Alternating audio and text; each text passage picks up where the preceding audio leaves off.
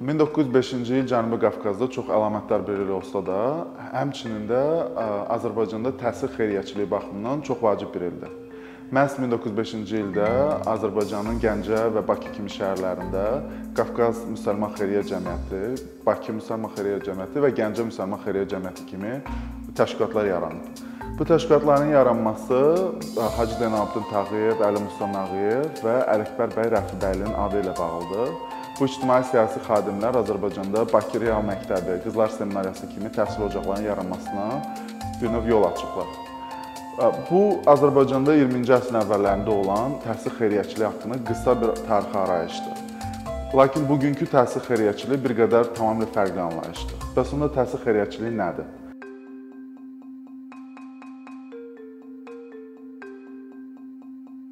Təhsil xeyriyyəçiliyi bir növ uzun müddətli, mütəşəkkil və təşkilatlanmış formada könüllü iyanələr əsasında formalaşan büdcənin təhsil təşəbbüsləri istiqamətində xərclənməsidir. Təhsil xeyriyyəçiliyi e, tarixinə baxanda məhz mütəşəkkil formada yaranması ABŞ tarixi ilə bağlıdır. E, ola bilər ki, kimsə təhsil xeyriyyəçiliyini bir növ hansısa varlı iş adamının e, kiməsə bir dəfəlik e, təhsil xərcini qarşılamaq üçün verdiyi pul kimi qəbul edə bilər. Bu da təhsil xeyriyyəçiliyidir. Lakin mütəşəkkil, uzun müddətli və dayanıqlı formada təhsil xeyriyyəçiliyinin yaranması məhz ABŞ-da, xüsusən də universitetlərin e, yaranma tarixi ilə bağlıdır. Əgər 1638-ci ilə getsək, bu ABŞ-ın bir növ müstəmləkə tarixidir. Massachusetts müstəmləkəsində dini məktəbdə dərs deyən John Harvardın Harvard Kollecinin yaranması ilə bağlı olan tarixçəsinə baxa bilərik. John Harvard ölümündən sonra bugünkü pulla 122 min funt pulu məhz Harvard Kollecinin əsasının qoyulması və bugünkü Harvard Universitetinə çevrilməsinə yol açan bir tarixçədir. Həmin o 122 funt olmasaydı, yəqin ki, bu gün Harvard Universiteti də olmazdı. Məhz Bu tarixçə daha sonra 20-ci əsrin əvvəllərində, 19-cu e, əsrin sonu 20-ci əsrin əvvəllərində ABŞ-da yaranan sənaye bumundan sonra Andrew Carnegie, Henry Ford, Rockefeller bu kimi xeyriyyətçi və filantropların yaratdığı bir növ ənənə ilə birbaşa bağlıdır. Həmin ənənə Andrew Carnegie-nin zənginlik haqqında avtobioqrafik kitabı ilə birbaşa bağlıdır və həmin kitab bir növ təhsil filantropiyasının, təhsil xeyriyyəçiliyinin İncili hesab olunur. Hə, Andrew Carnegie-nin ümumiyyətlə həyatı çox çətin bir həyat olub və kasıb bir ailədən gəlib, öz əziyyəti, öz zəhməti nəticəsində qazandığı pullarla yaratdığı Carnegie fondunun banisi olub və Amerikada Carnegie Mellon kimi bu gün bildiyimiz universitetin banisi olub 1900-cü ildə Carnegie Texniki Universiteti kimi, texnoloji universiteti kimi yaradılmış bir müəssisədir. Və məhz 19-cu əsrin sonu 20-ci əsrin əvvəllərində olan bu Carnegie, Ford və Rockefeller kimi xeyriyyətçilərin yaratdığı fondlar bugünkü ABŞ cəmiyyətində məhz təhsil təşəbbüslərinin dəstəklənməsində böyük rola malik olan qurumlardır. Gəlin indi biraz baxaq bizə yaxın coğrafiyaya. Postsovet məkanında təhsil xeyriyyətçiliyi, ümumiyyətlə filantropiya o qədər də geniş yayılmış və mütəşəkkil formada aparılan bir iş və yaxud da sahə deyil. Mən bir növ bunun təhsil tərəfi haqqında ancaq danışa bilərəm və əgər təhsil təşəbbüslərinə baxmaq istəsək, adətən biz hibrid formada təhsil xeyriyyətçiliyinin reallaşdığını görürük. Hibrid nəyə deyirik? Əlbəttə ki, bu cəmiyyətlərin e, azad cəmiyyət olmadığını nəzərə alsaq və siyasi rejim baxımından ABŞ və digər qərb cəmiyyətlərindən tamam fərqli bir siyasi rejim olduğunu nəzərə alsaq, biz görürük ki, həmin bu postsovet cəmiyyətlərində bir növ təhsil xeyriyyətçiliyinin, təhsil filantropiyasının dövlət məmuru və fərdi hansısa şəxsi təşəbbüslərin birləşməsi nəticəsində yaranan formaları var. Məsələn, Rusiyada, Moskvada, Moskvanın yaxınlığında Skolkovo şəhərciyinin yaradılması məhz Dmitri Medvedevin təşəbbüsü ilə, lakin 20 biznes və iş adamının cəlb olunması formasında, bunlardan biri də məsələn Roman Abramoviçdir. Böyük high-tech parkın, eləcə də universitetin tikilməsi, Skolkovo Management məktəbinin tikilməsi bu təhsil xeyriyyəçiliyinin bir nümunəsidir. Digər bir nümunə məsələn Nazarbayev Universitetidir. Qazaxstanda köhnə Astana, indi Nur-Sultan olaraq bildiyimiz paytaxt şəhərdə tikilən Nazarbayev Universiteti bir növ təhsildə xeyriyyəçiliyin e, dövlət məmurları və dövlət məmurlarına aid olan ailənin ailə tərəfindən aparılan nümunələridir. Buna Gürcüstanda nümunə Kutaisidə keçmiş baş nazir e, Bidzina Ivanaşvilinin tikdiyi Kutaisi Beynəlxalq Universitetidir. Azərbaycandakı nümunəsi də Bakıda olan Ada Universitetidir. Bu e, bir növ təhsil ocaqları və təhsil müəssisələri, müəssisələri e, təhsil xeyriyyəçiliyinin bu bir növ adlandıraq onu hibrid forması nəticəsində yaranan formalarıdır.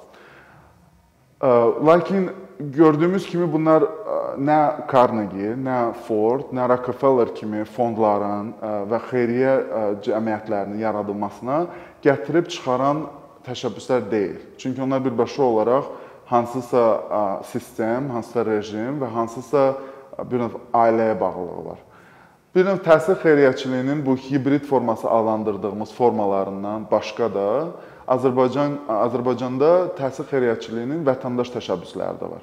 Vətəndaş təşəbbüsləri həm miqyas baxımından, həm də büdcə baxımından əlbəttə ki, məsələn, Kutaisidə İvanaşvilinin 1 milyard avro əsasında tikdirdiyi Kutaisi Beynəlxalq Universiteti ilə oxşar deyil, tamam fərqli kateqoriyadadır. Lakin onlar da uzun müddətli və təşkilatlanmış və təsisatlanmış formalardır. Bunlara misal olaraq məsələn Azərbaycanda yenicə yaradılmış crowdfunding platforması olan toxum.org-u misal göstərmək olar. Əlbəttə ki, platforma hər cür xeyriyyəçiliyə açıqdır, amma bunlardan biri də həmçinin təhsil xeyriyyəçiliyidir. Digər bir nümunə bizim yaratdığımız və bir növ diaspora təşəbbüsü olaraq fəaliyyət göstərən, yəni xaricdə e, yerləşən e, Çəhla Qarabağ təqaüd proqramıdır. Bu təhsil e, təşəbbüsləri bir növ təhsil xeyriyyəçiliyinin bir nümunəsi olaraq Azərbaycanda olan və eləcə postsovet məkanında yaşayan zəngin və varlı insanlar üçün ola bilər kiçik bir model olsun. Mənim bugünkü təqdimatda elə məqsədim də odur ki, Azərbaycanda təhsil xeyriyyəçiliyini inkişaf etdirən mühitin yaradılması və həmçinin də zəngin və varlı insanlardan öz maliyyətlərini və öz zənginliklərini cəmiyyətlə və insanlarla bölüşmək üçün hansı mühitin vacib olduğunu vurğulamaq istəyirəm. Bunlardan ilki, məsələn, ABŞ-dakı nümunə vergi güzəştləridir vergi güzəştləri yolu ilə e, varlı və zəngin şəxslərin həmin fondların həmin fondların yaradılması və təhsil təşəbbüslərinin daha təşkilati formada maliyyələşdirilməsi üçün imkan yaradır. E, digər biri də əlbəttə ki, sadəcə olaraq e, zəngin və varlı insanlardan Andrew Carnegie-nin bir növ zənginlik haqqında yazdığı filantropiya İncilinə baxıb ondan bir növ ilhamlanıb biraz Azərbaycan cəmiyyətində həmin bu xeyriyyə təşəbbüslərinin artırmasına təşəbbüs göstərməyə çağırışdı. Təhsil xeyriyyəçiliyi heç bir halda dövlətin təhsillə bağlı olan öhdəliklərini əvəzləməməlidir. Sadəcə o təhsil xeyriyyəçiliyi bir növ dövlətin o qədər də imkanı və hansısa formada bir növ özəl e, maraqları e, gərəkdirən formalarının yaradılması üçündür. Bura aiddir innovasiyalar, biznes mühitində istifadə olunan ideyalar və həmin ideyaların bir növ universitet mühitindən sənaye mühitinə keçirilməsi.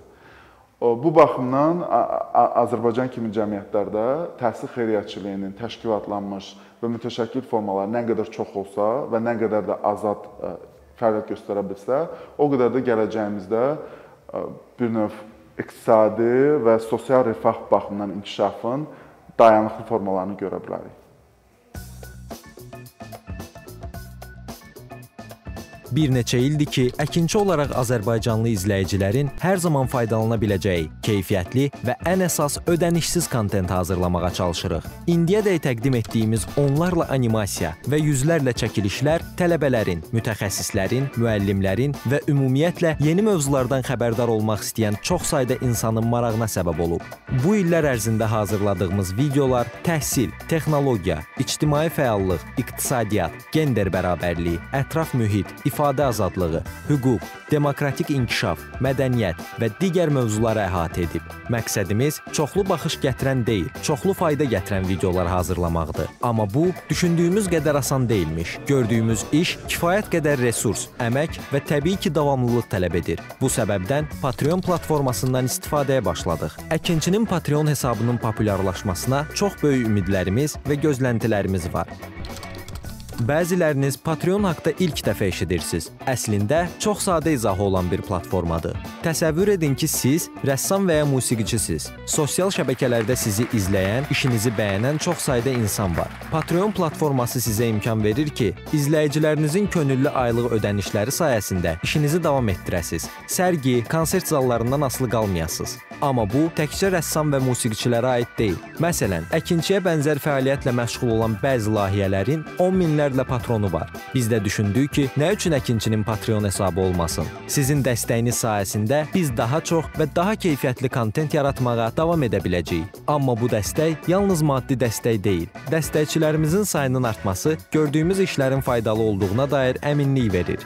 Patreon platformasından istifadə çox sadədir. Hesabınızı açırsınız, sizə uyğun dəstək növünü seçirsiniz və Patreon özü hər ayın ilk günü kartınızdan seçdiyiniz dəstək növünə uyğun ödəniş tutur. Bu qədər. Sonda onu demək istəyirik ki, dəstəkçilərin sırasına qoşulmaq istəyən, amma məhdud imkana görə bunu edə bilməyənlər narahat olmasın. Daha öncə dediyimiz kimi, bizim əsas məqsədimiz daha çox insanın hər zaman faydalana biləcəyi keyfiyyətli və ödənişsiz kontentin yaradılmasıdır. Bunun üçün mütləq patronumuz olmalısınız deyə məcburiyyət yoxdur. Amma imkanınız patron olmağa çatırsa və bizim işimizi bəyənirsinizsə, patronlarımızın sırasına qoşulmağınız bizim üçün çox önəmlidir.